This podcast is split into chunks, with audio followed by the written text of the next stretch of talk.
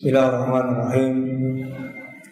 Assalamualaikum warahmatullahi wabarakatuh. Innal hamdalillah alladhi arsala rasulahu bil huda wa dinil haq liyughhirahu 'ala ad-din kulli walau karihal musyrikun. Ashhadu an la ilaha illallah wahdahu la syarika lah واشهد ان محمدا عبده ورسوله لا نبي بعده اللهم صل وسلم وبارك على نبيك المصطفى وعلى اله وصحبه ومن تبعهم باحسان الى يوم الدين الحمد لله Para bapak dan para ibu, para jamaah sekalian rahimani wa rahimakumullah. kita kembali bersyukur kepada Allah Subhanahu wa taala yang telah melimpahkan sekian banyak nikmatnya kepada kita yang tidak mungkin kita bisa menghitungnya. Sehingga Allah hanya menginginkan kita untuk bisa selalu mensyukuri nikmat dan menyadari tentang segala kekurangan kita dalam mensyukuri nikmat Allah Subhanahu wa taala sehingga menggabungkan antara bagaimana kita memaksimalkan mentaati kepada Allah dan memperbanyak istighfar serta taubat kita kepada Allah Subhanahu wa taala. Para jamaah yang dirahmati Allah, malam hari ini marilah kita mengambil faedah dari sebuah ayat yang insya Allah telah sering sekali disampaikan pada kita semuanya akan tapi mudah-mudahan Allah memberikan faidah kepada kita dengan ayat yang kita pelajari pada malam hari ini. Yang kita maksud yaitu ayat dalam surat Al-Qasas ayat yang ke-77. Yaitu firman Allah Subhanahu wa taala, "Wabtaghi fima ataqallahu ad-daral akhirah wa la tansa nasibaka minad dunya."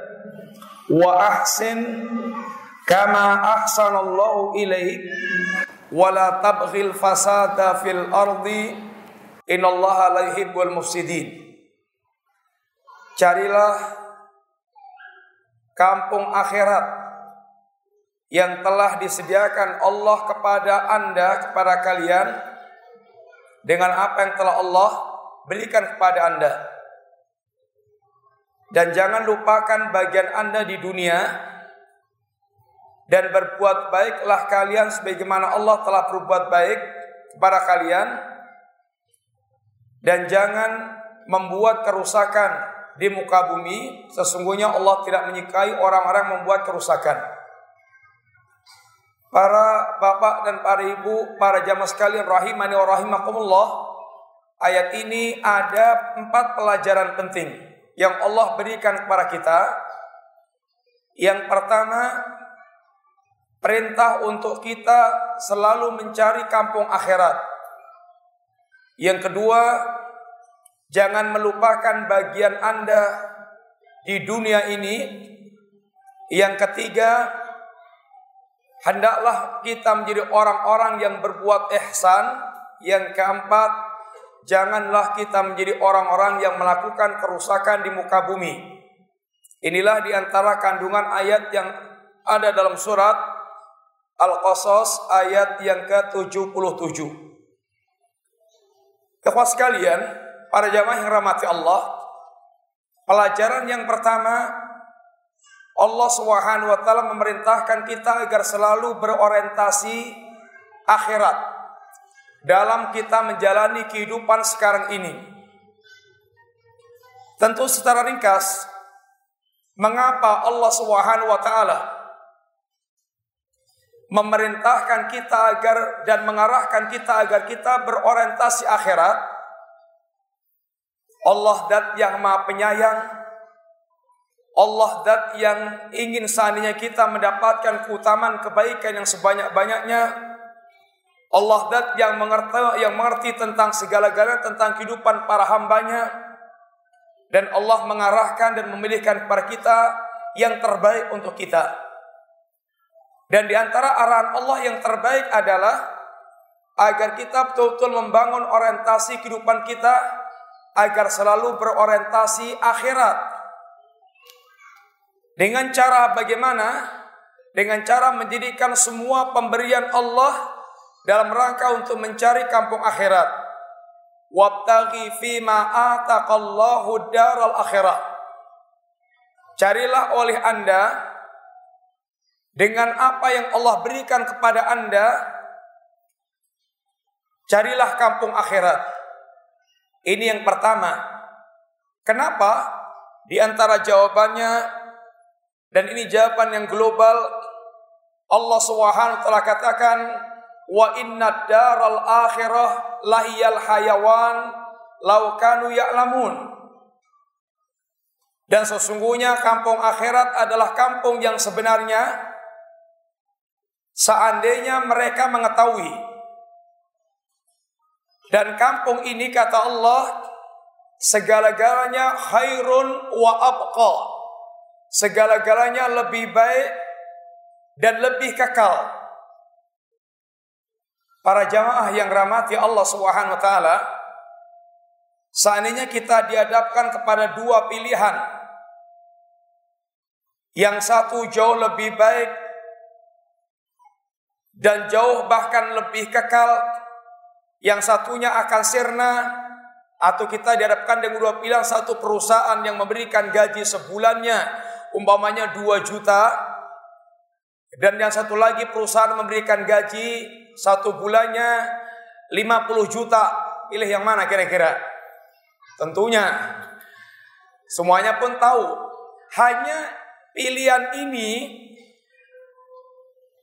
membutuhkan keyakinan dan membutuhkan ini sesuatu yang menancap di dalam hati.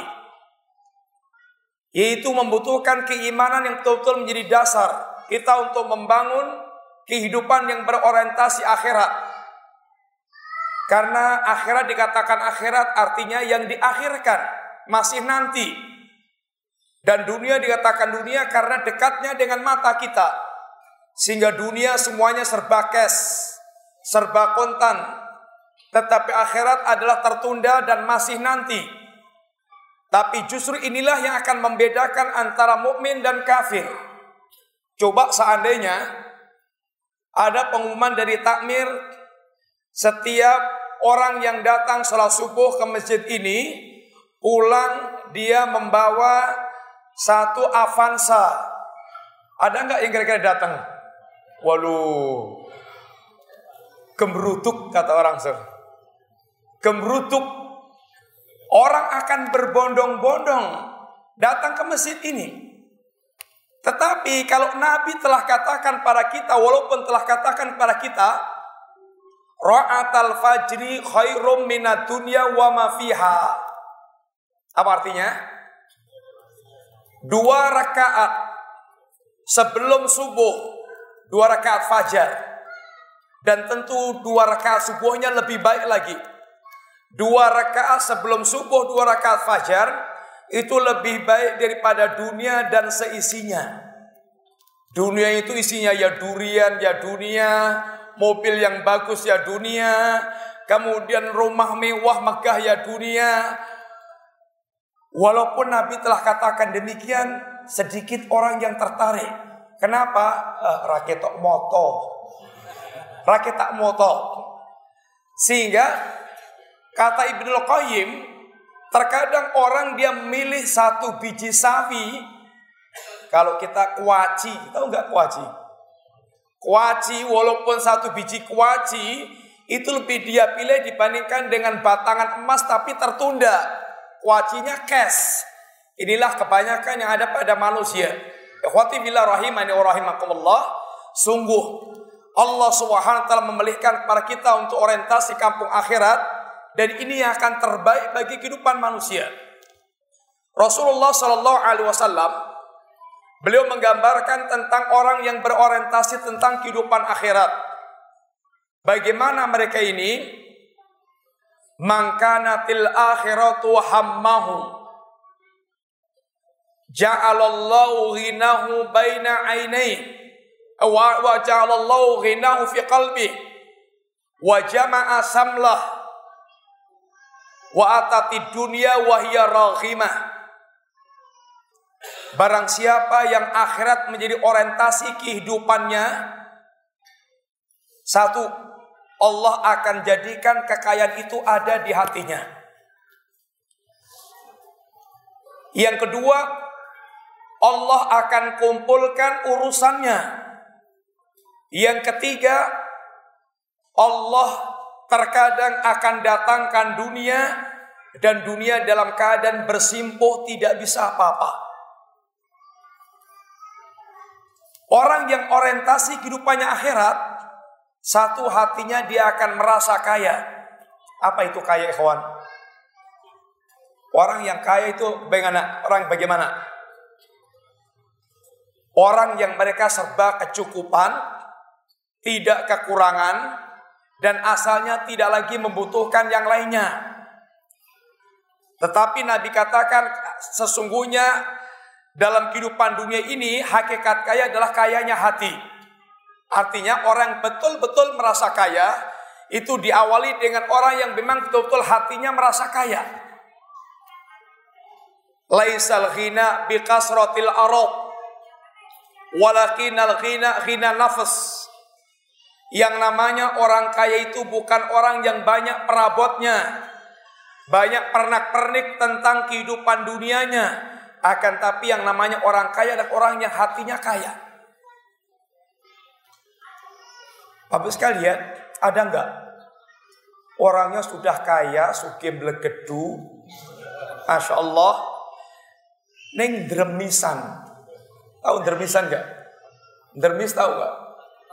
Ah, iya, suka ngatungan. Itu pintarnya itu ngatung tok.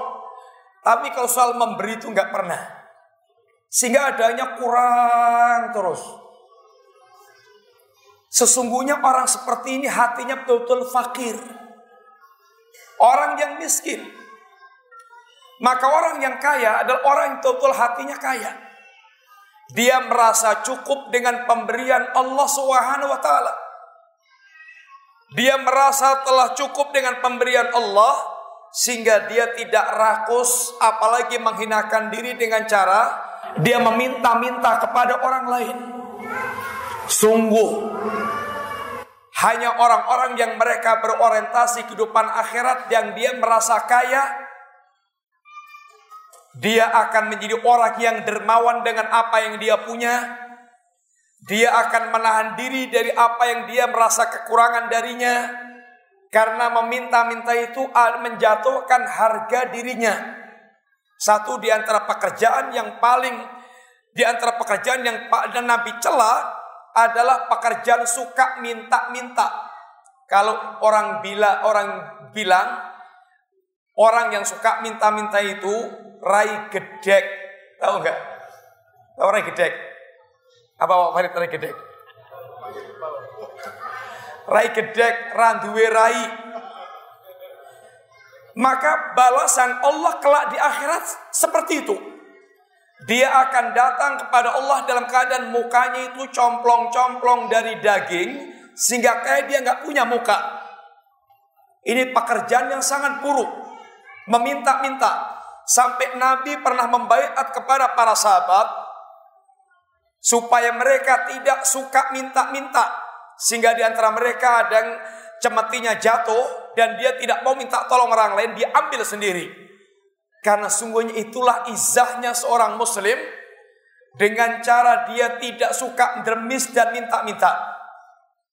Kata Nabi kita, syarful mu'min qiyamul lail.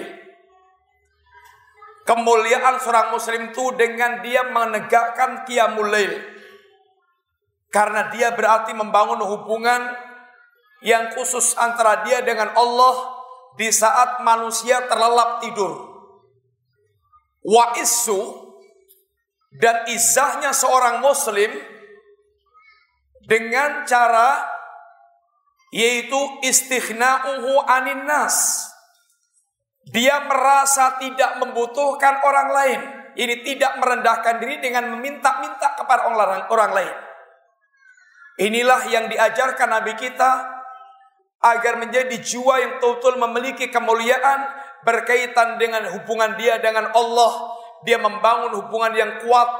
Di antaranya dengan dia suka qiyamul lail yang menunjukkan hubungan dia dengan Allah kuat dan dia orang yang merasa cukup dengan pemberian Allah dan tidak menghinakan diri di hadapan manusia yaitu dengan cara tidak meminta-minta kepada mereka. Bapak sekalian, adapun ahlu dunia kata Nabi, wa man kanat wa man kanat dunya hammahu ja'ala faqrahu baina ainihi Barang siapa yang dunia itu menjadi orientasi kehidupan dia, maka sungguh kefakiran itu akan selalu ada di depan kedua kelopak matanya. Dia rumangsani melarat terus sehingga tidak pernah merasa kecukupan. Dan ini perwatakan manusia apabila dia tidak mendapatkan taufik Allah Subhanahu wa taala. Nabi katakan, Laukana libni Adam wadiyan min malin labtagha thalithan atau kama qala.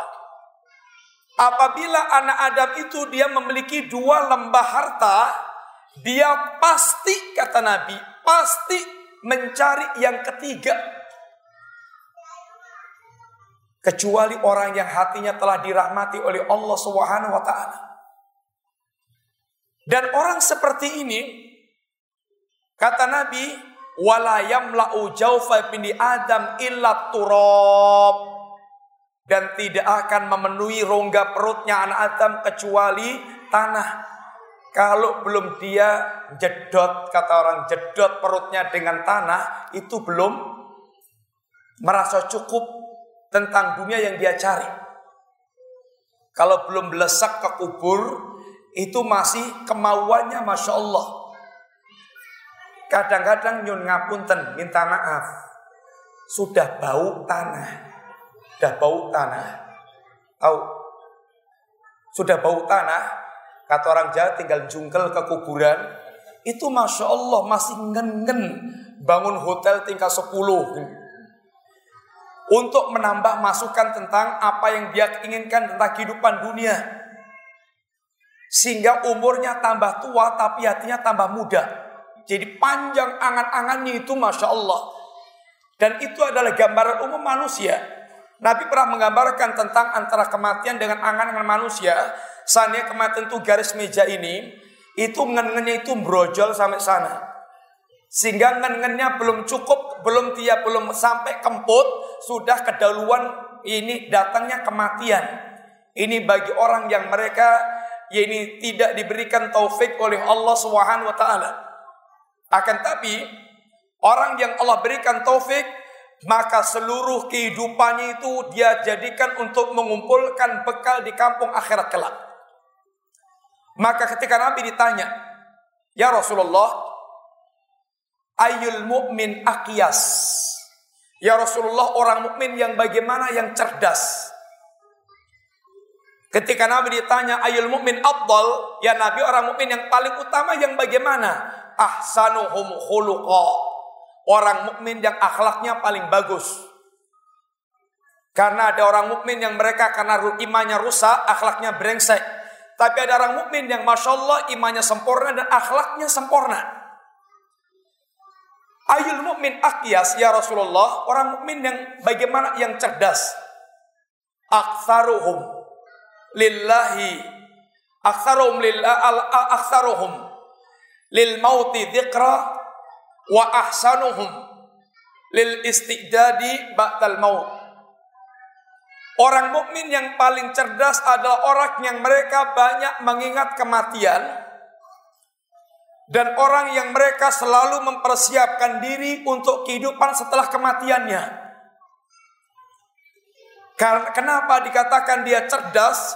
Karena sungguh Seluruh hakikat kehidupan yang dia inginkan itu ada kepada kehidupan ba'dal mamat. Ba'dal mamat. Kehidupan setelah kematiannya.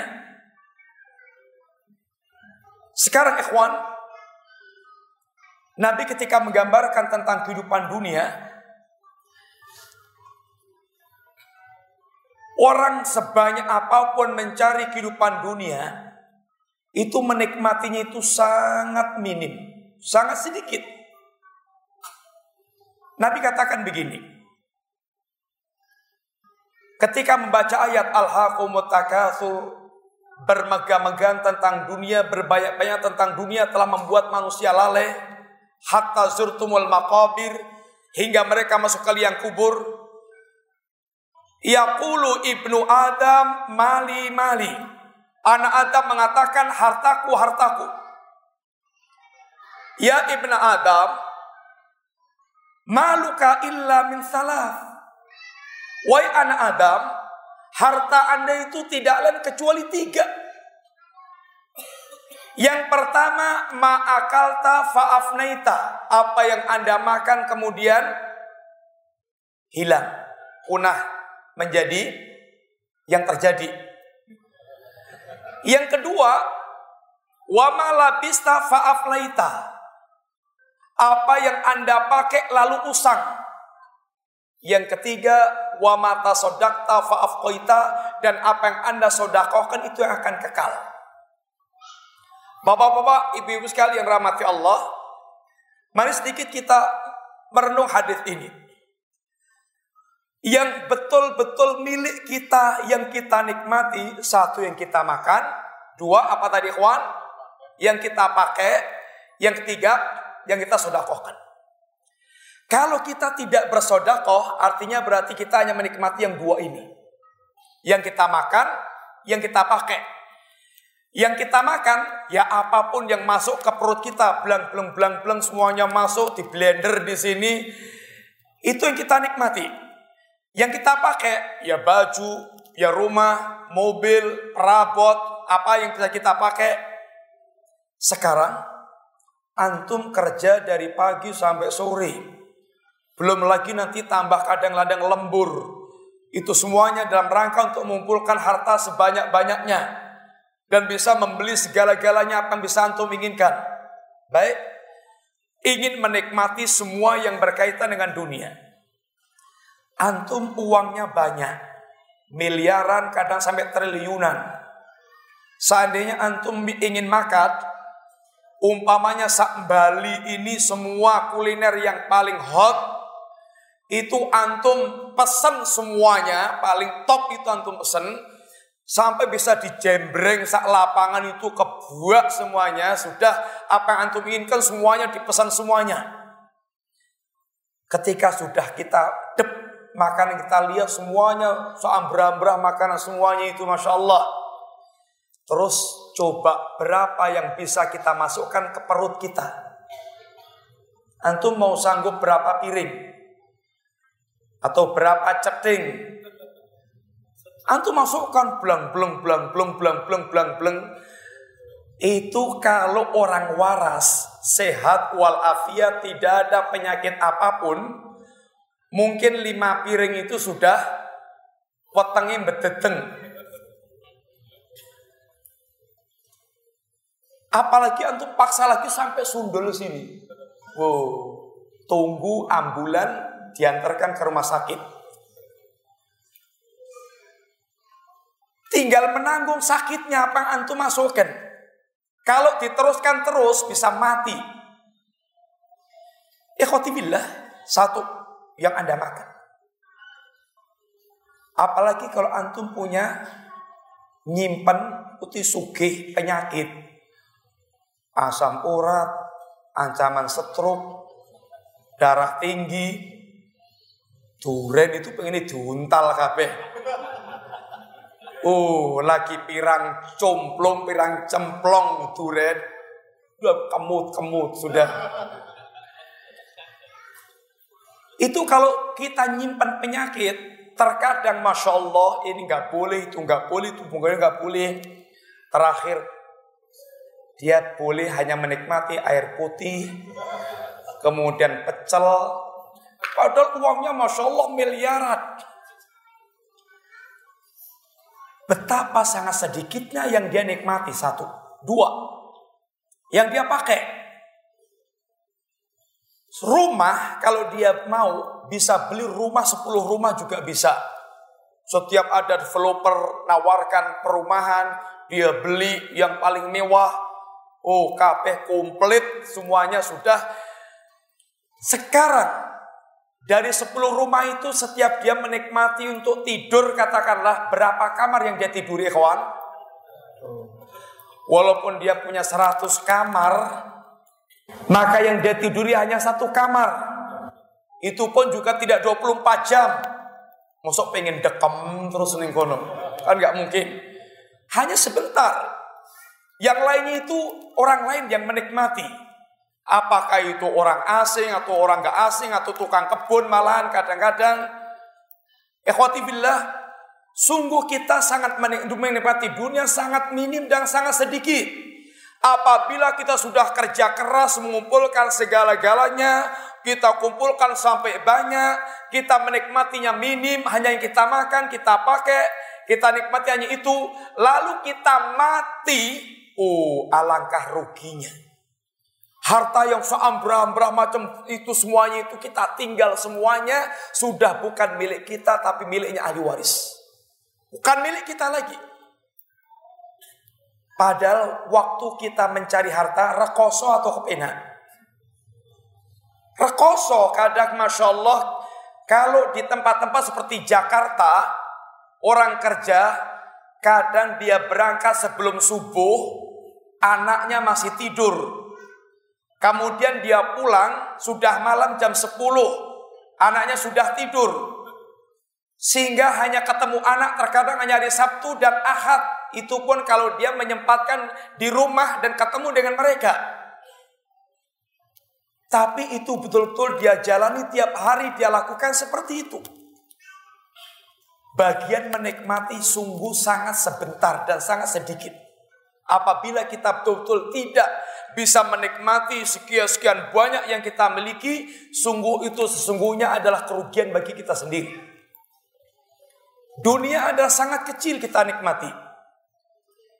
Dan dunia, kata Nabi, ketika membandingkan dengan akhirat, maka dengarkan kata Nabi SAW, orang apabila telah masuk jannah, yunati munadin, akan ada seorang penyuruh yang menyampaikan ya ahlal jannah annalakum antasihu wala tasqamu abadan.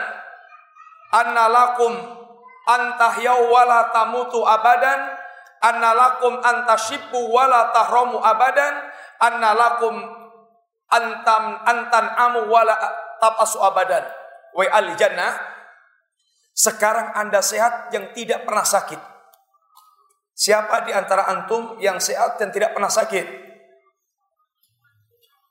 Siapa yang tidak pernah sakit sepanjang umurnya sekarang ini sampai sekarang ini? Ada enggak?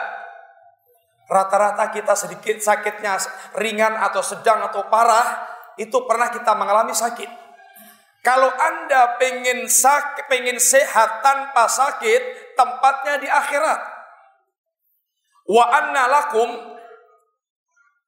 antahyau wala tamutu abadan. Dan Anda akan hidup dan tidak pernah mati. Wa anna lakum antashibu wala tahramu abadan. Anda akan muda dan tidak pernah Anda tua. Wa anna lakum antan amu wala tabasu abadan. Anda akan nikmat dan tidak pernah sengsara. Di dunia ini ikhwan, Barang siapa yang dia sehat, dia terancam sakit. Barang siapa yang dia hidup, pasti terbayang-bayangi kematian.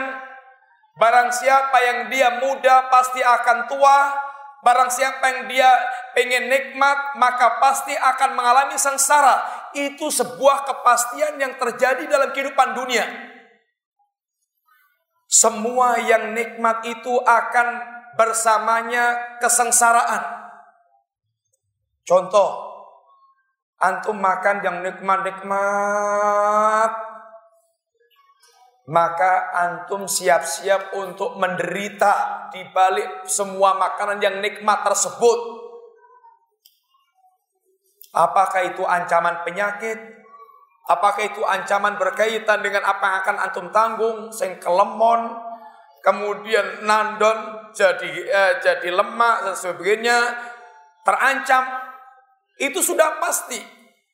Antum pengen sugih, nikmat, bisa menikmati mobil, menikmati rumah yang ber-AC, menikmati yang indah, taman-taman yang indah, itu mesti rekoso. Dari waktu antum mengadakan harta untuk mengadakan rumah yang begitu, kemudian belum lagi nanti membuatnya juga butuh waktu, kemudian perawatannya, kemudian menikmatnya terkadang kemudian bosan. Coba antum rumahnya bagus kayak surga. Kebuak kabeh ono itu jelek. Mungkin sehari dua hari Masya Allah menikmati, so, Masya Allah menikmati. Wis rong minggu, tolong minggu, sebulan, dua bulan, setahun, dua tahun, melebu metu ngomahku, kui, kui, kui, kui. Bosen. Bosen.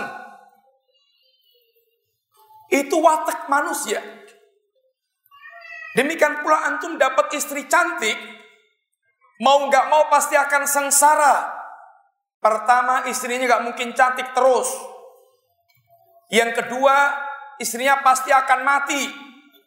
Pasti akan sedih dan sengsara. Cepat atau lambat, sebentar atau lama.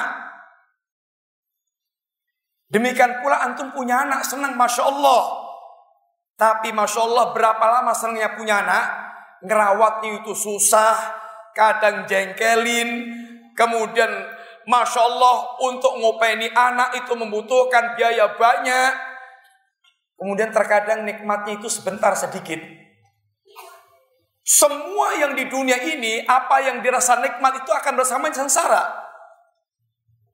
Anda hidup terbayang-bayang mati.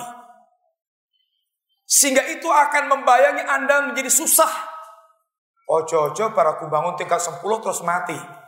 Sehingga dia terbayang-bayangi mati. Dan Anda muda, betapapun parasnya Masya Allah, dia selalu bercermin, mengagumi dari ujung rambut sampai ujung kaki, semuanya mengagumkan, tapi terbayang tua. Gak mungkin muda terus. Jamu apa ikhwan? Sing sondatek ini nom tanpa tua. Walaupun dia berusaha untuk mengendalikan mudanya itu raiso tua, tetap umpamanya jasad luarnya itu nggak bisa tua, jeroani itu loh nggak bisa ditipu ikhwan. Coba sekarang, antum suruh milih. Suruh milih ya. Mau menikahi akhwat. Satu, ini akhwat. Face-nya itu face, baby face. Face-nya itu face umur 16. Umur 16. Neng asli ini umur swidak siji. Kemudian dengan umur 23 tapi orisinil. Ah, pilih mana kira-kira? Orang nggak bisa ditipu. Ikhwati fillah, Demikian Rasulullah gambarkan kalau antum pengen sehat tanpa sakit, muda tanpa tua, hidup tanpa mati, nikmat tanpa sengsara, itu tempatnya di jannah. Tempatnya di jannah. Maka Allah betul-betul arahkan kita untuk memilih kampung akhirat, memilih kampung akhirat. Dan agar kita betul-betul berlomba-lomba untuk untuk memilih kampung akhirat dan tidak ada buruknya ketika orang mereka betul-betul ya ini berlomba-lomba untuk mendapatkan kampung akhirat. Wasari'u ila maghfirati min rabbikum wa jannatin arduha samawati wal ardu uiddat lil muttaqin. Fabidzalika falyatanafasil mutanafisun. Kanu yusari'una fil khairat. Ayat ini semuanya menggambarkan para kita orang-orang yang mereka betul-betul menginginkan kampung akhirat itu mereka diperintahkan Allah berlomba-lomba, mereka betul-betul memiliki semangat untuk menggapainya, mereka jadikan semua orientasinya adalah untuk mendapatkannya kampung akhirat, karena berlomba-lomba mendapatkan kampung akhirat itu tidak ada jeleknya, tidak berefek negatif sama sekali. Karena berlomba-lomba menuju kampung akhirat itu artinya berlomba-lomba menjadi orang yang terbaik dalam kehidupan. Orang yang terbaik dan orang yang paling bermanfaat dalam kehidupan seperti pada ayat-ayat berikutnya nanti insya Allah. Maka Allah katakan hendaknya kita betul-betul mencari selalu kampung akhirat. Dan berorientasi terus untuk selalu membangun kampung akhirat. Ikhwati billah. Dan orang yang mereka mencari kampung akhirat kata Nabi wajah asyamlah. Semua urusannya itu akan dikumpulkan Allah tidak ada yang sia-sia. Anda yang berorientasi kampung akhirat maka tidak ada tetesan keringat Anda yang sia-sia, tidak ada satu rupiah pun yang sia-sia, semua akan diganti oleh Allah Subhanahu wa taala, bahkan Allah akan ganti dengan berlipat ganda.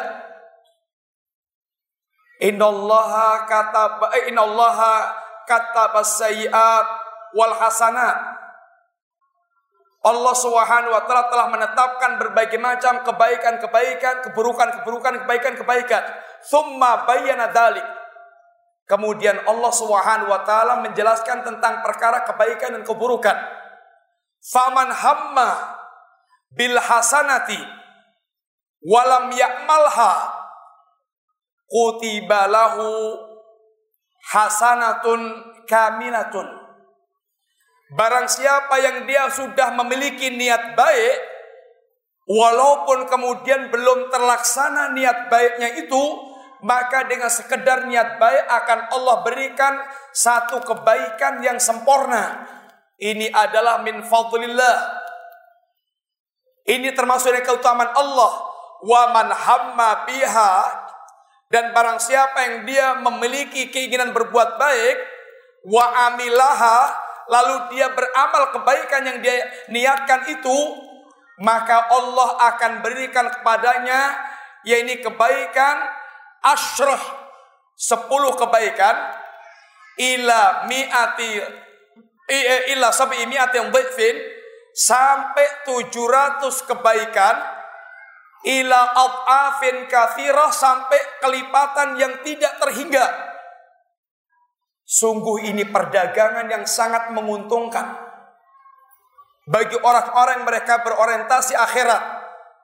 Sehingga pernah Osman bin Affan datang dengan ini seribuan onta dagangannya yang di atas onta ini adalah barang dagangan maka para tengkulak mereka telah siap untuk membeli barangnya Osman Kata Osman, siapa yang mau membeli barang dagang saya dengan keuntungan 10 kali lipat?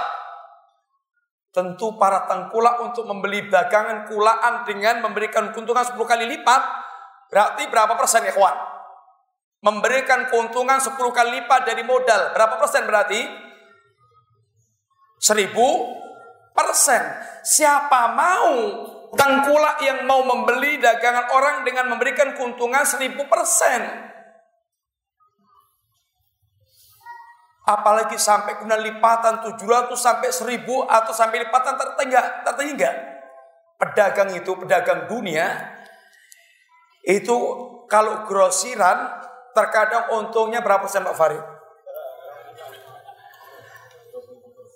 Wah, grosir 25 persen. Grosir itu paling-paling kadang 3 persen, diculkan kadang 5 persen, diculkan itu grosir. Kalau ecer baru 15, kadang 20, kadang 25, kadang lebih tergantung. Ini Allah siap membeli barang dagangan Anda 10 kali lipat sampai 700 kali lipat sampai lipatan tidak terhingga. Maka Allah katakan betul-betul ini perdagangan yang tidak pernah rugi. Barang siapa yang dia berdagang dengan Allah, maka betul-betul dia akan puas dan tidak pernah merasa dirugikan dengan perdagangannya. Dan Allah betul-betul menawar dagangan Anda dan menawarkan Anda untuk bertransaksi kepada Allah Subhanahu wa taala. Ya ayyuhalladzina amanu hal adullukum ala tijaratin tunjikum min adabin alim. Wahai orang yang beriman, Wahai orang-orang yang hatinya telah ada orientasi kehidupan akhirat, mau nggak aku tunjukkan kepada kalian perdagangan yang akan total membuat anda untung mutlak, yaitu dengan selamatnya anda dari adab Allah Subhanahu Taala.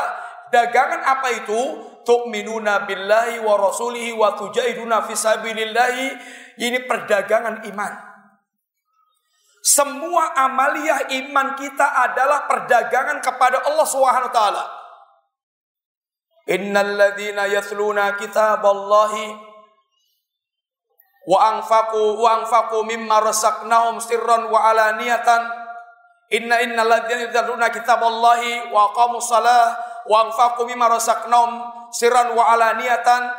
Yarjuna tijaratan lan tabur Orang-orang yang mereka membaca kitab Allah, orang-orang yang mereka menegakkan salat, orang-orang yang mereka menginfakkan sebagian rezeki yang Allah berikan kepada mereka, baik dengan cara-cara, dengan baik dengan cara sembunyi-sembunyi atau dengan terang-terangan, maka mereka ini kata Allah yarjuna tijaratan lantabur. Mereka telah mengharapkan perdagangan yang tidak pernah ada kerugiannya. Dan hakikat kehidupan kita ikhwati kalau kita mukmin adalah kita berdagang dengan Allah Subhanahu wa taala. Apabila kita bukan mukmin berdagang dengan syaitan. Demikian Nabi katakan, kullun nasi yahdu fabai'un nafsahu famu'tikuha au mubikuha. Setiap manusia berpagi-pagi dia keluar rumah dalam rangka untuk membeberkan, menggelar barang dagangannya. Dan barang dagangannya itu adalah dirinya sendiri.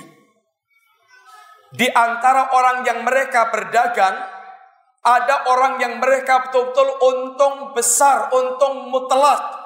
Sehingga dia terbebaskan dari kesengsaraan yang mengancamnya. Ada? Iya. Kita sholat dulu. Akhwati fillah, insyaallah atas sholat kita lanjutkan biidznillah. Mudah-mudahan manfaat. Wassallallahu ala nabiyyina Muhammadin wa ala alihi wasallam. Bismillahirrahmanirrahim. Innal hamdalillah wassalatu wassalamu ala Rasulillah wa ala alihi wa ashabihi wa mawala wa la haula wa la quwata illa billah amma ba'd. Alhamdulillah para bapak dan para ibu Jamaah sekalian rahimani wa rahimakumullah. Sedikit kita melanjutkan apa yang kita sampaikan dalam rangka mengambil faedah ayat yang telah kita bacakan. Kita sedang menyampaikan sebuah hadis Nabi sallallahu alaihi wasallam, "Kullun nasi yakhdu faba'i'un nafsahu famutikuha aw mubikuha." Setiap kalian dalam keadaan berpagi-pagi menjual barang dagangannya dia menjual dirinya. Di antara orang menjual dirinya ada yang mereka untung. Sehingga membebaskan dirinya dari segala kesengsaraan. Dan ada orang yang mereka menjual dirinya dan mereka rugi. Sehingga mereka membinasakan menenggelamkan diri dalam kebinasaan. Barang siapa yang dia berdagang dengan Allah maka dia akan untung. Dan barang siapa yang dia berdagang dengan syaitan maka dia akan betul-betul mengalami kerugian. Barang siapa yang dari sejak bangun tidurnya dia awali dengan mengingat Allah. Kemudian dia beribadah kepada Allah. Lalu dia tunaikan kebiasaan hari-hariannya dalam rangka juga niat untuk memenuhi kewajiban sebagai hamba Allah. Dia bergaul di tengah-tengah keluarganya bergaul di tengah-tengah masyarakatnya. Dia berbuat baik kepada mereka semuanya waktunya dia salat-salat, waktunya dia zakat-zakat, dan dia lakukan demikian terus-menerus dalam kehidupannya, maka sungguh dia telah berjual beli dengan Allah taala. Dan orang yang berjual beli dengan Allah tidak ada yang sia-sia dalam kehidupannya, tetesan keringat dia, rupiah yang dia keluarkan, kelelahan yang dia rasakan, maka sungguh tidak ada yang sia-sia semuanya akan dikumpulkan oleh Allah. Allah akan lipat gandakan kebaikan balasan Allah kepada orang tersebut. Maka sungguh sangat beruntung orang yang mereka berdagang dengan Allah Subhanahu wa taala. Akan tapi barang siapa yang dia melalui hari-harinya dengan kelalaian, dengan bermaksiat kepada Allah, dengan meninggalkan kewajiban-kewajiban yang Allah perintahkan, dia tidak peduli dengan agama Allah Subhanahu wa taala atau bahkan dia tenggelam dalam kesyirikan, kekufuran atau kemunafikan atau penyimpangan agama atau berbagai macam kemaksiatan maka sungguh dia telah berdagang dengan syaitan. Di dunia dia tidak akan pernah merasakan keuntungan kehidupan bahagia dalam dirinya. Dan puncaknya ada kesengsaraan ini ketika nanti mereka menjadi para penghuni jahanam dan kemudian mendengarkan khutbah iblis. Iblis akan berkhutbah di mimbar api menyampaikan kepada para penduduk neraka yang dulu mereka mengikuti iblis. Apa kata iblis? Wa qala syaitanu lamma qudiyal amru. Innallaha wa'adakum wa'dal haq wa wa'adatukum fa akhlaftukum. Kata iblis, Allah katakan dan syaitan yaitu iblis akan mengatakan dan dia kata Al-Imam Al-Hasan Basri iblis dia berpidato di mimbar api dan mengatakan sesungguhnya Allah Subhanahu wa taala telah berjanji kepada kalian dengan janji-janji yang benar dan sungguh saya juga telah berjanji kepada kalian dan sungguh aku selisih semua janjiku kemudian Wa makana li alaikum min sultanin illa an da'utukum. Dan sungguh saya tidak punya kekuasaan sedikit pun untuk menyesatkan kalian kecuali semata-mata hanya mengajak, semata-mata hanya menawarkan, membisikkan. Fastajabtum li lalu kalian ternyata mengikuti ajakan-ajakanku. Fala talumuni walumu angkusakum maka jangan kalian cara cerca diri saya, celalah diri-diri kalian sendiri. Wa ma ana wa ma kana li aliku wa ma ana bimusrikhikum wa ma antum bimusrikhiyya. Saya sekarang tidak bisa memberikan pertolongan kepada kalian sebagaimana kalian tidak bisa menolong kami pada hari ini.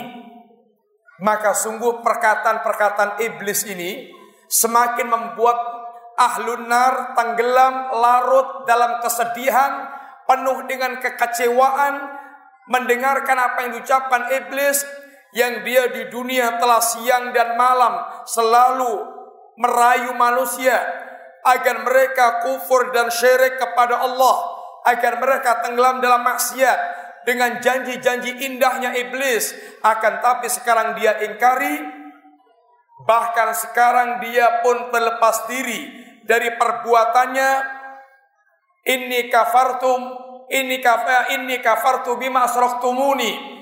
Saya ingkari terhadap semua kesyirikan kalian kepadaku. Para bapak dan para ibu yang rahmati Allah, sungguh menjadi pedagang akhirat adalah keuntungan yang besar. Wajama asamlah. Allah akan kumpulkan segala urusan dia. Urusan dia akan sangat teratur. Berbeda dengan orang-orang mereka tenggelam dalam syahwat dunia, wa Allah akan cerai berikan urusan mereka. Tidak ada sedikit pun yang bermanfaat dari berbagai macam kebaikan-kebaikan yang mereka lakukan, apalagi kalau mereka tidak memiliki kebaikan sama sekali. Terkadang untuk ahlu du'ulu, untuk ahlul akhirah, orang yang berorientasi akhirat, dunia terkadang datang kepada dia. Dalam keadaan dunia dia tidak bisa apa-apa. Dunia telah datang kepada Nabiullah Sulaiman. Tetapi dunia tunduk dan patuh kepada Nabiullah Sulaiman. Dunia telah datang kepada Abdurrahman bin Auf. Akan tapi dunia sama sekali tidak berkutik di hadapan orang seperti Abdurrahman bin Auf. Dunia telah datang kepada Osman bin Affan dan dunia tidak bisa apa-apa di hadapan Osman bin Affan. Adapun apabila malu apabila orang orientasinya dunia wala ta'ati dunia illa maqdiralah apabila dunia datang kepada dia justru dunia menjadi tuannya dia yang menjadi budak-budaknya dunia dan dunia pun tidak akan datang kepada dia kecuali sebatas yang ditakdirkan oleh Allah Subhanahu wa taala. Alangkah sangat sengsara dan nestapanya alu dunia. Dia mencari dunia dalam keadaan diperbudak oleh dunia. Diperas tenaganya, diperas pikiran dia, habis ibaratnya anduk diperas sampai sak. Sampai sak garingnya. Diperes habis. Siang, malam, pagi, sore, tenaganya habis-habisan. Dan biasanya alu dunia mencari dunia dalam keadaan zalim. Dia tidak peduli dengan kanan kirinya. Bahkan kalau perlu harus menumpahkan darah orang lain tidak peduli. Dan bahkan seandainya harus menjual agama tidak dia pedulikan. Dan itulah fitnahnya orang yang mereka maftun dengan dunia. Layak tiana al nasi samanun la yubalil mar'u bima akhadha min malin. Amin halalin amin haram. Akan datang satu zaman manusia dalam mengumpulkan harta tanpa peduli apakah dengan cara yang halal atau dengan cara yang haram. Bahkan kata Nabi Shallallahu Alaihi Wasallam, kerakusan manusia dengan dunia sungguh lebih berbahaya dibandingkan dengan serigala. Dua serigala lapar yang dilepas ke seekor kambing, maka orang yang ambisi dengan dunia itu lebih berbahaya dibandingkan dengan itu. Madibani ja'iani ursila fi ghanamin bi afsata min khirsil mar'i alal mal wa syarafil dini. Dua serigala lapar, bukan serigala kenyang, serigala lapar dilepas ke seekor kambing, bukan ke seratus kambing, maka ini tidak lebih berbahaya dibandingkan dengan orang yang mereka betul-betul rakus dengan dunia, dengan harta, dan dia ambisi gila hormat dengan agama atau melalui dengan melalui agama. Orang yang ambisi dengan harta dunia dan orang yang gila hormat, dua-duanya ini semuanya adalah bahaya. Ikhwatifillah. Orang yang mereka diperas untuk dunia, seandainya dia tidak mengumpulkan dengan cara yang haram, maka sungguh dia telah kehilangan waktu untuk keutamaan yang sangat banyak. Coba antum bayangkan, dia hanya nyengkruk, tahu nyengkruk? Hanya nyengkruk duduk di tokonya terus dari melek Semenjak dia bangun tidur, moto melek sampai nanti malam gelap, itu dia hanya duduk di tokonya nderui duit. Ngelusi duit terus. Ambisinya untuk mengumpulkan harta itu Masya Allah. Akhirnya sholat jamaah ditinggal. Tolabul ilmi ditinggal. Baca Quran gak sempat. Dikir gak sempat. Dikirnya itu hanya duit. Seketewu, satu sewu, duit, satu sewu, satu sewu. Terus gitu. Masya Allah. Habis waktunya. Padahal dia juga nggak akan makan duit. Makanya sedikit menikmati hartanya itu. Tapi dia korbankan sekian banyak keutamaan. Seandainya dia mencari harta secukupnya. Kemudian dia waktunya sholat-sholat, waktunya puasa-puasa, zakat-zakat, dikir-dikir, mencari ilmu, mencari ilmu, baca Quran, baca Quran maka sungguh dia telah meraih semuanya dalam kehidupan ini. Tapi ini tidak. Atau kalau tidak seperti itu lebih tragis lagi, dia tidak peduli dengan halal haram. Sehingga yang penting ngumpul, yang penting dia mendapatkan apa yang dia harapkan. Mau dia dengan cara syirik, dengan cara kufur, dengan cara maksiat, dengan cara yang menyimpang, gak ada urusan yang penting dunia datang. Ini betul-betul telah menjadi budak-budaknya dunia yang demikian. Ekhotibillah, gak ada kebahagiaan kecuali hati yang mereka memperbudakkan diri kepada Allah dengan mencari kampung akhirat. Yang kedua, walatan salasibaka minat dunia. Ikhwanifillah, mencari akhirat bukan berarti mengharamkan dunia. Bahkan dunia atau dunia totalitasnya anda tanpa mengurangi menikmati dunia dan bahkan dunia semuanya Anda jadikan untuk mendapatkan surga yang disediakan oleh Allah Subhanahu wa taala. Innamad dunya ilal jannati wa ilan nari tariqun. Wal layali matjarul insani wal ayamu suqut.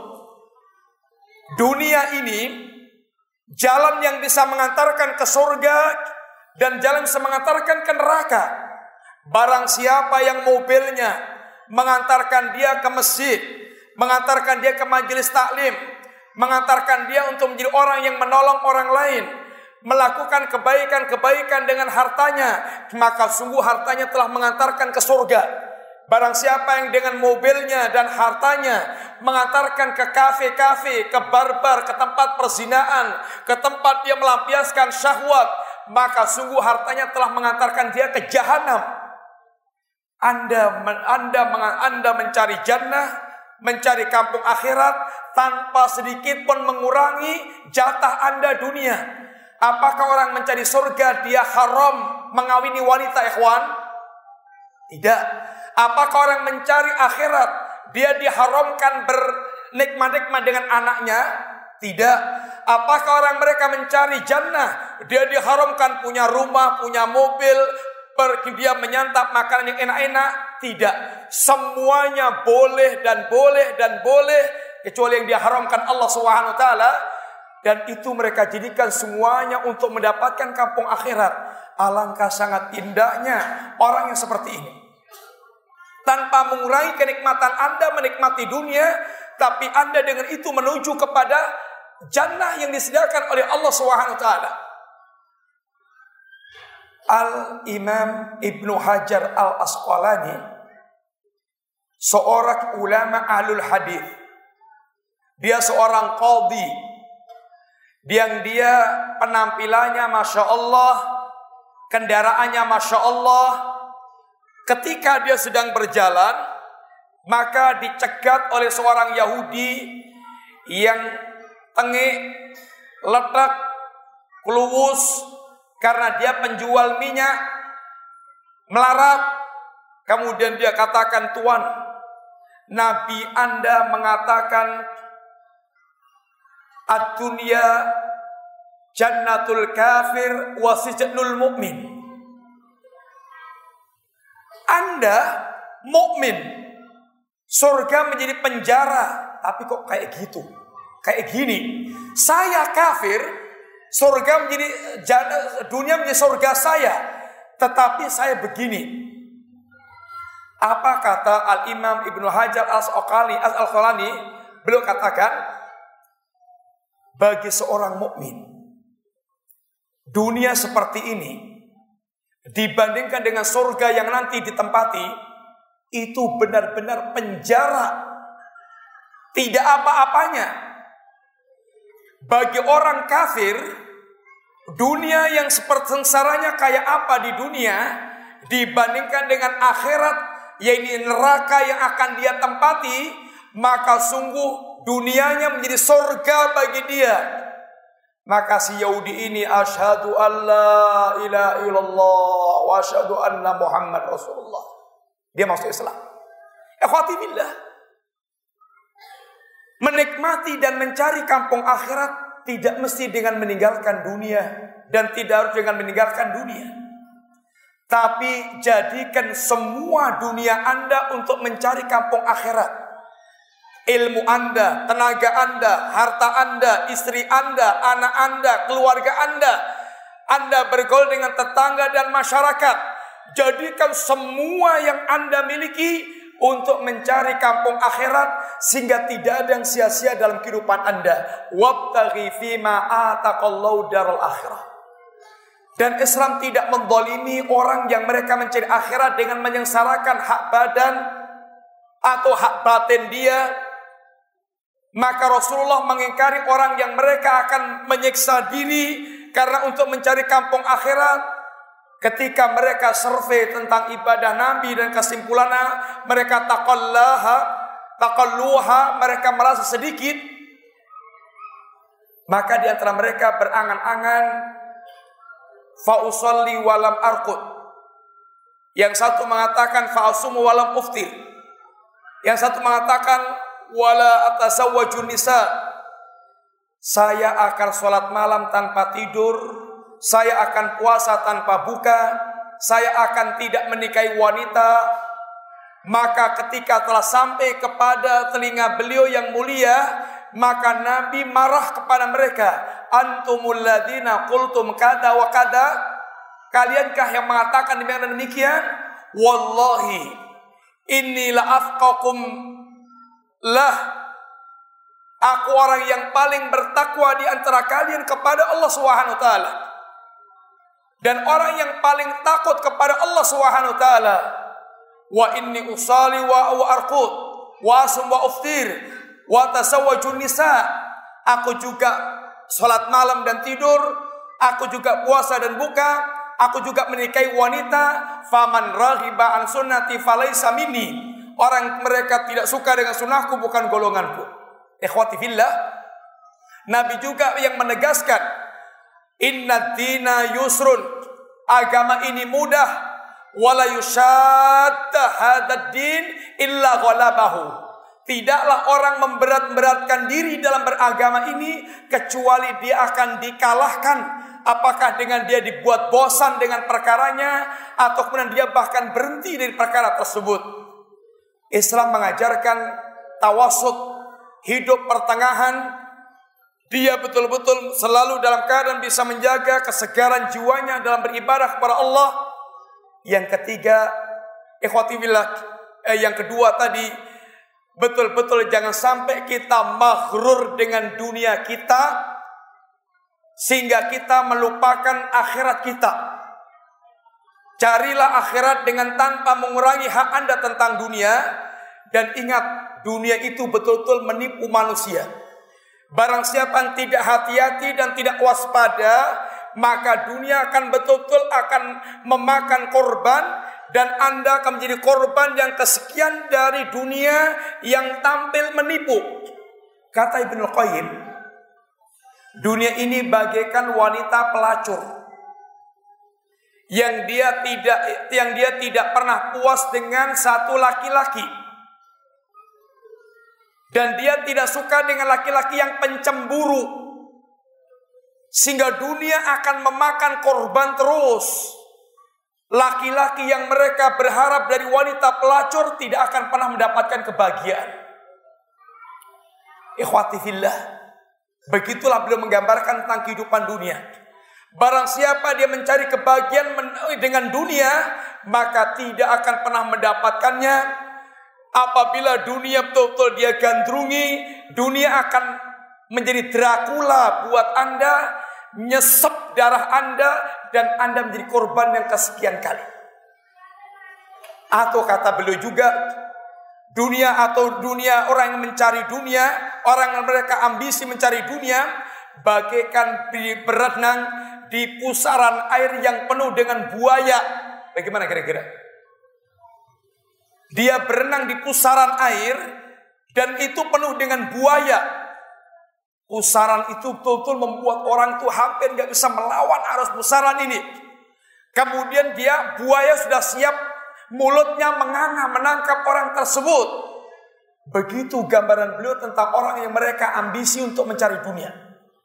Carilah dunia bukan untuk dunia, carilah dunia untuk jadikan Anda jadikan sarana untuk mengabdi kepada akhirat. Ikhwati bila ingat. Dunia dan seisinya. Allah ciptakan untuk Anda. Untuk Anda nikmati. Walladhi khalaqalakum ma fil ardi jami'an. Dialah Allah yang menciptakan semua isi dunia, dunia dengan seisinya untuk kalian semuanya. Silahkan nikmati, silahkan gunakan. Tapi ingat, anda diciptakan untuk bukan untuk dunia ini, Anda diciptakan untuk menghamba kepada Allah Subhanahu wa taala. Dan Allah jadikan dunia untuk Anda jadikan sarana menghamba kepada Allah. Sekarang orang dibuat terbalik oleh syaitan. Dia perbudakkan dirinya kepada dunia dan dia lupakan Allah yang menciptakan dia, yang Allah ciptakan dia untuk beribadah kepada Allah Subhanahu wa taala. Rasulullah SAW dalam mendidik para sahabat bagaimana meletakkan dunia di kedua kelopak matanya. Dunia kata Nabi, laukanati dunia ta'dilu indallahi janaha ba'ullah masyakal kafira syarbatan ma. Seandainya dunia ini senilai dengan sayap seekor nyamuk, niscaya orang kafir tidak akan Allah berikan minuman walaupun seteguk Kenyataannya ada nggak orang kafir yang dia minum sampai gelegean? Ada nggak? Banyak. menunjukkan dunia tidak lebih daripada harga sayap seekor nyamuk. Lebih rendah daripada itu. Kata Nabi, dunia tidak lebih harganya daripada kambing cempe yang telah jadi bangkai. Yang Nabi pernah melewati pasar, melewati mendapatkan kambing cempe yang telah jadi bangkai. Kemudian Nabi angkat, kemudian Nabi tunjukkan, tawarkan, ayyukum yuhibbu anna lahu bidirham. Ada enggak yang mau memiliki bangkai ini dengan membayar satu dirham? Manuhibbu lana bi syai'in wa manasna bi tidak ada ya Rasulullah di antara kami yang mau memilikinya. Dan untuk apa kata Nabi ayyukum atau hibuna annahu lakum ada enggak di antara kalian silahkan bawa pulang gratis tidak usah membayar Kata para sahabat, Ya Rasulullah, lau kana hayan kana aiban, dia nau asak, wa kaifa wa huwa mayit. Seandainya kambing ini hidup ya Rasulullah, kami memilikinya itu aib karena cacat. Bagaimana ketika kami ini telah menjadi bangkai? Nabi telah mendengar jawaban mereka dengan apa yang Nabi sampaikan. Nabi ingin memberikan pelajaran berharga kepada mereka. Wallahi La dunya ahwanu Allah min hada alaikum. Demi Allah, dunia ini tidak lebih berharga dari kambing, cempe, cacat, telinga telah telah menjadi bangkai ini bagi kalian wahai para sahabatku yang telah Allah sediakan surga untuk kalian di sisi Allah Subhanahu wa taala. Nabi ingin mendidik para sahabat memandang dunia dengan harga yang tidak istimewa. Dengan membandingkan jannah yang Allah sediakan buat mereka. Sehingga jangan pernah ada orang yang mereka menjadikan dunia segala-galanya. Kemudian mereka korbankan kampung akhirat. Maka para sahabat, bagaimana mereka ditanamkan kerinduan yang sangat berat kepada kampung akhirat. Dan kedua betul kampung surga di depan kedua kelopak mata mereka. Bagi mereka pindah dari dunia ke kampung akhirat sebuah cita-cita yang ingin dipercepat. Sehingga mereka di antara para sahabat ketika telah mencium bau jannah, dia ingin segera berangkat dan pindah ke jannah. Tanpa berlama-lama dia tinggal di dunia. Tapi ketika ikhwatifillah hati kita telah maftun dengan dunia, maka dunia segala-galanya. Sampai kemudian agama kita korbankan. Tolabul ilmi kita tinggalkan, bacokan kita tinggalkan, zikir kita tinggalkan, sholat jamaah kita remehkan, kemudian agama kita kecilkan maknanya, yang besar di mata kita dunia dan dunia. Berat dia untuk infak, dia bakhil, dia tidak dermawan, dunia pengen dia tahan terus, padahal itu bukan milik dia. Yang milik dia apabila dia infakkan di jalan Allah Subhanahu taala, dia belanjakan di jalan Allah Subhanahu taala. Ikhwati billah, Betul-betul Nabi telah menjadi suri teladan dalam hal ini teori dan praktek. Para sahabat Umar pernah menangis. Mencari-cari Nabi. Ketika didapatkan Nabi bangun tidur dalam keadaan badannya itu ngeplek. Tahu ngeplek? Membekas tikar. Kata Umar, Ya Rasulullah, Kisra wa Kaisar. Kama huma fihima Ya Rasulullah, Kisra dan Kaisar sebagaimana yang mereka rasakan. Mereka tenggelam dalam kemewahan kehidupan dunia mereka ya Rasulullah. Wa anta Rasulullah. Dan engkau adalah utusan Allah ya Rasulullah. Dan engkau begini ya Rasulullah. Maka kata Nabi SAW. Amma tarda anna lahumud dunya walanal akhirah. Ya Umar ya Ibn al-Khattab. Tidakkah anda ridha seandainya untuk untuk mereka dunia dan untuk kita akhirat. Nabi ingin mendidik Umar bagaimana memandang dunia dan bagaimana memperlakukan dunia. Dan Nabi telah mengajari kepada ini Ibnu Umar radhiyallahu anhuma Ya Ibnu Umar kata Nabi kun fid dunya ka'annaka gharibun au abiru sabil Jadilah anda di dunia sekarang ini seperti seorang yang gharib, orang yang asing, atau orang sedang safar. Apa maksudnya kira-kira ikhwan? Menjadi jadilah anda di dunia ini seperti orang yang gharib, orang yang asing. Orang yang ada di negeri asing, ikhwan, di antara suasana yang ada, hatinya itu selalu rindu dengan kampung halamannya. Itu yang ada pada hati orang yang mereka dalam ini sebagai orang yang asing di negeri perantauan.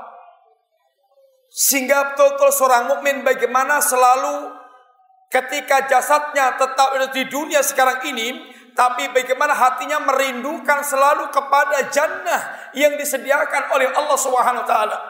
Sehingga dia punya kerinduan, punya kerinduan, punya kerinduan. Sehingga dia beramal dengan semangat, beramal dengan ini semangat. Sebagaimana Allah taala bagaimana menangkap kerinduan seorang mukmin.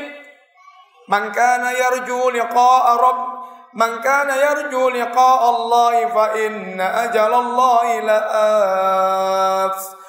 Barang siapa yang dia merindukan untuk bertemu dengan Allah Subhanahu wa taala, Wahai hambaku yang merindukan hatinya bertemu dengan diriku. Jangan khawatir, hari pertemuannya denganmu pasti akan terjadi. Hari pertemuan Anda dengan Allah pasti akan datang. Hari-hari ketika Allah akan menyingkap hijabnya. Lalu seorang mukmin ahlul jannah melihat menikmati wajah Allah dan sungguh nikmatnya melewat menikmati wajah Allah akan melupakan semua nikmat ahlul jannah terhadap nikmat jannah. Sedangkan nikmat jannah digambarkan oleh Allah Subhanahu wa taala mala ainun ra'at wala udhun sami'an wal khatra ala qalbin bashar. Nikmat yang belum pernah terbayangkan nikmat yang belum pernah dilihat oleh mata manusia, didengar telinga manusia, belum pernah terbayangkan dalam lintasan hati manusia, betul-betul nikmat yang luar biasa, tapi menikmati wajah Allah mengalahkan itu semuanya. Nabi bagaimana mendidik kaum muslimin berkaitan dengan dunia dan akhiratnya. Atau Anda seorang musafir yang betul-betul seorang musafir itu dia berpikir ini bukan tempat dia tinggal selamanya, dia akan pulang meneruskan perjalanan sehingga dia akan mengambil dunia secukupnya untuk bekal menghadapi atau memasuki kampung akhirat. Ikhwati billah, rintangan-rintangan Anda untuk memasuki kampung akhirat sangat banyak sehingga waspadalah sehingga Allah wasiatkan pada kita fala taghurrannakumul hayatud dunya wala yaghurnakum bilal ghurur. Jangan sekali-kali Anda tertipu oleh dunia dan jangan sekali-kali Anda tipu syaitan dalam mentaati Allah Subhanahu wa taala. Yang ketiga, wa ahsin kama. Dan jadilah Anda orang yang berbuat baik. Berbuat baiklah Anda sebagaimana Allah telah berbuat baik kepada Anda. Singkatnya ikhwati billah. Ayat ini mengajarkan kepada kita bahwa seorang mukmin itu orang yang hidupnya serba bermanfaat dan adanya itu antara berbuat adil dan fadl bainal adil wal fadl. Kehidupan seorang mukmin digambarkan dengan sangat indah oleh Nabi. Hidup yang betul-betul memberikan kemanfaatan kepada siapa pun dari kalangan manusia bahkan alam semesta. Sebagaimana Allah mengutus nabinya sebagai rahmatan lil alamin. Coba bayangkan bagaimana Nabi menggambarkan tentang seorang mukmin, masalul mukmin, masalul nahlah. Perumpamaan seorang mukmin seperti perumpamaan pohon korma. Kalau Anda susah membayangkan pohon korma, bayangkan di sini pohon yang dianggap paling manfaat pohon apa, ikhwan? Pohon kelapa yang sering jadikan simbol oleh anak-anak pramuka sebagai pohon yang serba manfaat. Yang intinya pohon ini dari akar sampai ujung daunnya semuanya manfaat. Dari buahnya yang paling cengkir sampai yang paling tua semuanya manfaat. Akarnya pohon kelapa untuk apa ikhwan? Untuk macam-macam. Batangnya pohon kelapa untuk macam-macam, manfaat semuanya. Kemudian daunnya, daun yang enom, daun yang tua, daun yang tua, sudah jadi belarak, garing, semuanya manfaat. Lidinya dari yang muda sampai tua, semuanya manfaat jadi piting untuk yakni nusui bungkusan-bungkusan.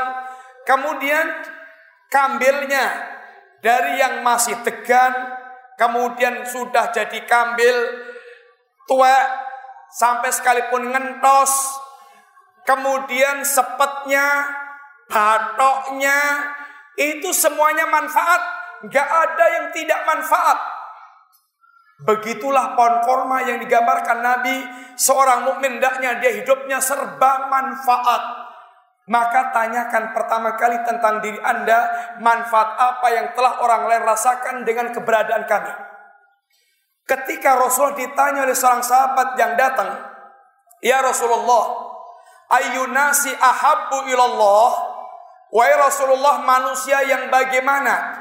Yang paling dicintai oleh Allah Subhanahu wa taala? Apa kata Nabi ikhwati fillah? Linnas yaitu orang yang paling bermanfaat bagi orang lain. Orang yang paling bermanfaat bagi orang lain. Ikhwati billah, bagi seorang mukmin yang mereka berjalan di atas ilmu dan ajaran nabinya, semua binatang-binatang di daratan, di lautan, sampai malaikat yang ada di langit, semuanya memintakan ampun dan mendoakan kepada mereka, karena mereka semuanya para pelaku kebaikan. Para pelaku kebaikan. Seorang mukmin dia beredar antara al-adil wal fadl, antara adil dan berbuat utama. Sekalipun bahkan kepada orang kafir dia tidak zalim, tapi keadilan yang ditegakkan. Apa kata Allah ikhwati fillah? Wala yajrimannakum syana'anu qaumin ala alla ta'dilu i'dilu huwa aqrabu litaqwa. Jangan sampai kebencian Anda kepada suatu kaum membawa Anda untuk tidak berbuat adil, tetapi tetaplah Anda berbuat adil karena keadilan itu lebih dekat kepada ketakwaan, walaupun kepada orang kafir, walaupun kepada orang musyrik, maka hendaklah seorang dia berbuat adil dan berbuat baik kepada mereka hingga binatang-binatang merasakan kebaikan seorang muslim dan sungguh Nabi mencela seorang yang mereka kelihatan soleh dengan ibadahnya, tetapi jelek dengan makhluk, bahkan dengan itu dia bisa dimasukkan ke neraka. Pernah seorang mengeluhkan tentang ibu-ibu, ya Rasulullah, ada ada ibu-ibu kalau soal sholat malam dan sholat puasanya itu masya Allah terkenal, tapi dia kalau dengan tetangga itu cengkeri, tahu nggak cengkeri? jelek, jelek, menyakiti tetangga, mengganggu tetangga. Apa kata Nabi? Hiya finnar. Dia ada di dalam neraka. Sebagaimana Nabi katakan, Dakhalatin nara fil hirah atau udzibat imra'atun fil hirah. Udzibat imra'atun fil hirah ada seorang wanita yang diazab Allah gara-gara kucing. Dia kurung, tidak diberi makan, sampai mati. Seandainya dia kurung dan diberi makan, dia berbuat baik. Atau dia lepas, dia bisa mencari makan sendiri, berbuat baik. Ini telah berbuat jahat kepada kucing sampai dia mati. Maka ini menjadi sebab dia diazab oleh Allah Subhanahu wa taala. Jadilah kita pribadi yang betul-betul manfaat sebagaimana pohon korma atau lebah kata Nabi. Yang ketiga, yang keempat, yang terakhir ikhwati billah, wala tufsitu fil ardi. Jangan ada membuat kerusakan di muka bumi. Al fasad asyirku fasadun al kufru fasadun. Al bid'atu fasadun. Al ma'asi wa fasadun. Semua ini merupakan kerusakan-kerusakan berbagai macam bentuk penyimpangan agama adalah kerusakan. Barang siapa yang dia menghidup-hidupkan kepada menghidup-hidupkan kebiasaan atau sunnah-sunnah syirik, sunnah-sunnah kufur, sunnah-sunnah penyimpangan, maksiat, maka dia telah menjadi bagian para perusak yang Allah katakan wala tufsidu fil ardi ba'da islahiha Jangan Anda rusak bumi setelah Allah perbaiki. Allah perbaiki bumi dengan Allah turunkan Rasul yang membawa risalah dengan mengajarkan tauhid dan sunnah, dengan mengajarkan ketaatan menjauhi maksiat. Apabila kemudian dia menyelisih ajaran Rasul, maka dia adalah minal mufsidin. Sungguh empat perkara ini ikhwan menjadi sebuah prinsip yang sangat mulia dalam kehidupan seorang muslim. Mudah-mudahan Allah memberikan taufik kepada kita memudahkan mewujudkan empat perkara yang sangat mulia tersebut. Menjadi hamba Allah yang benar-benar selalu memiliki orientasi kehidupan akhirat, tidak terfitnah dengan kehidupan dunia yang ada, tapi menjadikan semua dunia kita adalah untuk mencari kampung akhirat, menjadi orang melakukan kebaikan dan menjauhkan dari kerusakan. Dan hanya kepada Allah kita berharap dan mudah-mudahan Allah memberkahi semua umur dan kehidupan kita hingga kita pun kembali kepada Allah sebagai hamba yang khusnul khatimah dipanggil dengan panggilan indah ya ayat wa nafsul mutmainnah irji'i ila rabbika radiyatan mardiyah fadkhuli fi ibadi wadkhuli jannati. Waktunya tinggal 5 menit ya Mas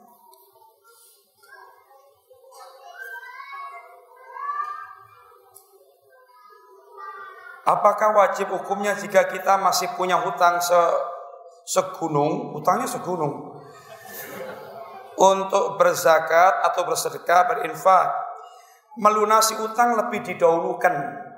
Utangnya segunung mau zakat, bagaimana ikhwan? Dikuruskan, antum mungkin nggak wajib zakat. Umpamanya utangnya sak miliar, duitnya 500 juta. Kemudian pengen zakat, ya utangnya disaur dulu karena utang itu sangat mengganggu. Seorang syahid harusnya itu beleng BPUD, PMDK masuk surga itu terhalang gara-gara utang. Sehingga hendaknya utang total sangat dijauhi kalau nggak kepaksa betul itu jangan utang. Sekarang ini zaman ikhwan utang itu dibuat jadi hobi. Sampai semua utang. Minta maaf. Sampai kelambi-kelambi dinggo bentino utang. Piring utang, gelas utang. Katanya utang lebih untung Ustaz. Utang untung gitu loh Masya Allah. Ini karena pandangannya sudah kualik tentang kehidupan. Apakah makna perdagangan dengan Allah bahwa kita boleh meminta balasan atas amalan kita sedang sebagian ulama mengatakan kita beramal harus ikhlas. Ikhlas itu bukan seperti perumpamaan orang ikhwan antum ke belakang cemplung plung plung plung kemudian setelah itu antum nggak ingat apa-apa. Oh, jelek perumpamaan itu. Nah, Allah membuat perumpamaan yang bagus. Bagaimana tamsil ikhlas itu? Seperti laban yang mereka baina damin wa farsin dia keluar antara darah dan kotoran, tapi keluar susu yang khalisan, yang betul-betul murni. Itu amalan yang murni, itulah perumpamaan ikhlas seperti itu.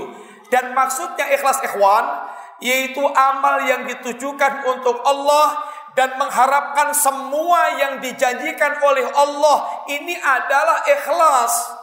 Mengharapkan surga adalah ikhlas Berlindung dari neraka adalah ikhlas. Mengharapkan pala berlipat adalah ikhlas.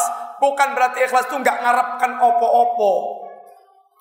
Ikhlas itu tidak mengharapkan balasan manusia, tapi mengharapkan totalitas balasan itu dari Allah Subhanahu wa taala itu ikhlas. Sehingga jangan pernah terbayang dan dan sungguh sangat jelek ucapan seorang yang mengatakan barang siapa yang beramal karena mengharap surga atau ketakut dari neraka maka dia musyrik. Masya Allah. Musyrik. Allah memerintahkan kita musyrik. Iya. Wasari'u ila maghfirati min rabbikum wa jannatin arduha samawati wal ard. Nabi memerintahkan idza sa'alta fas'alullaha wa idza sa'altumullaha fas'alul jannatal firdaus. Kalau kamu minta kepada Allah, jangan tanggung-tanggung kata Nabi. Minta oh surga Firdaus. Karena surga ini surga yang paling tengah letaknya dan paling tinggi tingkatannya. Jangan tanggung-tanggung. Suruh disuruh minta Jannatul Firdaus. Antum setiap puasa apa di antara doa yang antum ucapkan ikhwan? As'alukal jannata wa a'udzu bika minan nar. Bagaimana kemudian meminta surga, menghindar neraka musyrik? Ini sungguh kalimat yang sangat bertentangan dengan ajaran Nabi, ajaran para sahabat, bahkan ajaran Allah Subhanahu taala. Bagaimana cara salaf eh, bagaimana cara sedekah berinfak yang terhindar dari ria?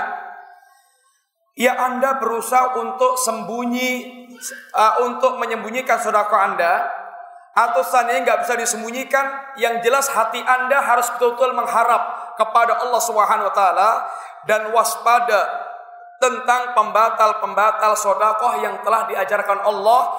Ya ayyuhalladzina amanu la tubtilu sadaqatikum.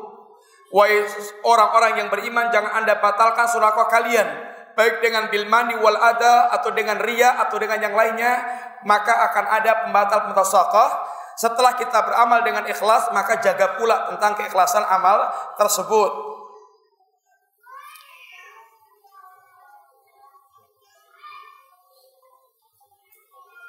Orang Indonesia yang mengikuti sunnah dianggap teroris. Bagaimana menanggapinya? Ya tinggal gak usah ditanggapi, gak usah ditanggapi sulit-sulit. Buktikan bahwa anda tidak bukan teroris. Buktikan anda adalah orang berbuat baik, orang mendapatkan keuntungan dari anda, orang betul-betul bergaul dengan anda itu untung secara akhlak dan secara material. Maka betul-betul anda insya Allah akan hilang kesan teroris. Tapi kalau sudah suruh ikut apa-apa nggak mau, bakhil, kemudian sadis, sangar, kemudian ketemu orang melirik saja enggak. Oh, masya Allah ini teroris betul-betul, membuat dada sesak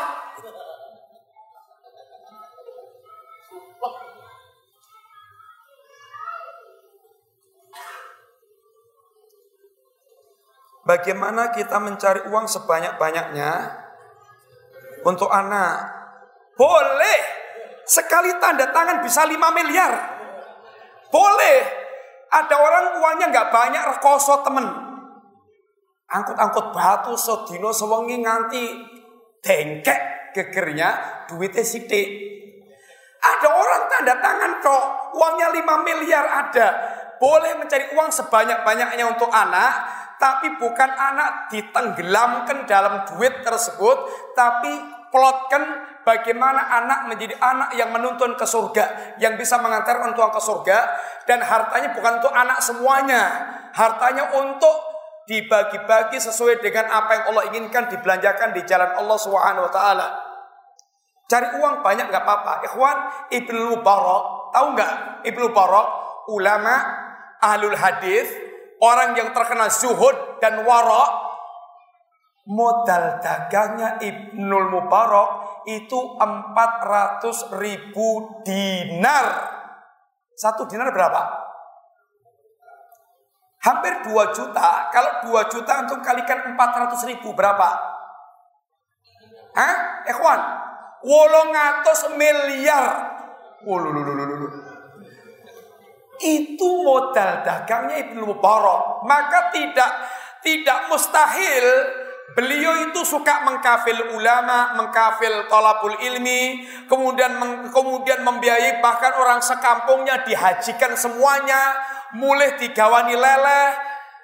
Itu masya Allah, itu Ibnu Mubarak. Dan begitu sejarah mencatat tentang kehidupan beliau.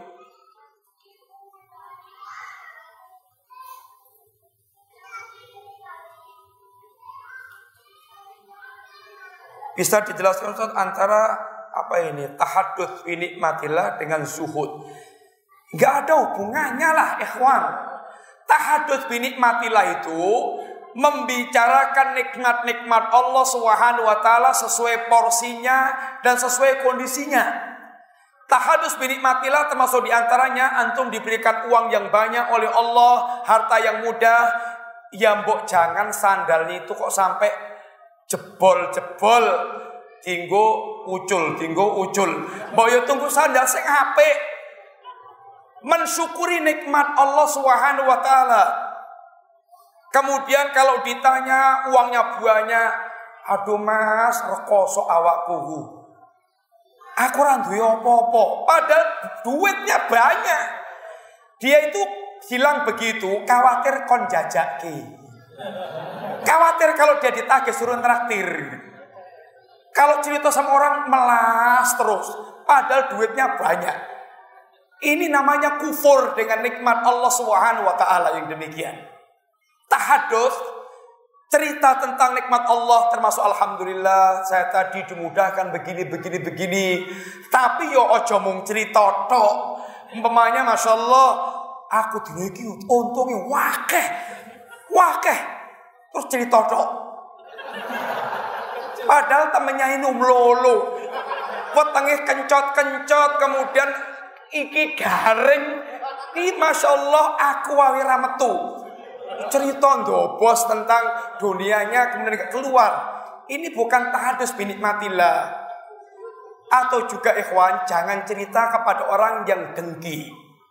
Karena cerita itu nggak pada sembarang, tidak kepada tidak sembarang orang. Cerita itu harus cari-cari orang yang betul-betul pas kita ceritani. Jangan sampai kita salah cerita sama orang. Bagaimana dengan meminta perhatian orang lain seperti menceritakan keluh kesah tentang kesulitan di dunia? Mengeluh itu dengan Allah. Kemudian kalau dengan orang itu sangat jangan sembarang orang itu dikelui. Saat penuang ketemu dikelui. Kata orang ini, Mas, aku luwih rekosom bagi awakmu. Ngeluh itu yang kira-kira memang akan memberikan nasihat, solusi yang baik, tidak penuang dikelui. Nabi Nabiullah Yakub askubasi wa husni ilallah. Aku keluhkan semua kesedihan dan kesulitanku kepada Allah Subhanahu wa taala. Nanti mengeluh kepada orang ikhwan, khawatir antum mengadukan Allah kepada makhluk. Ini adalah dosa besar. Mudah-mudahan manfaat. Kurang lebih demikian ikhwan, minta maaf. Assalamualaikum warahmatullahi wabarakatuh.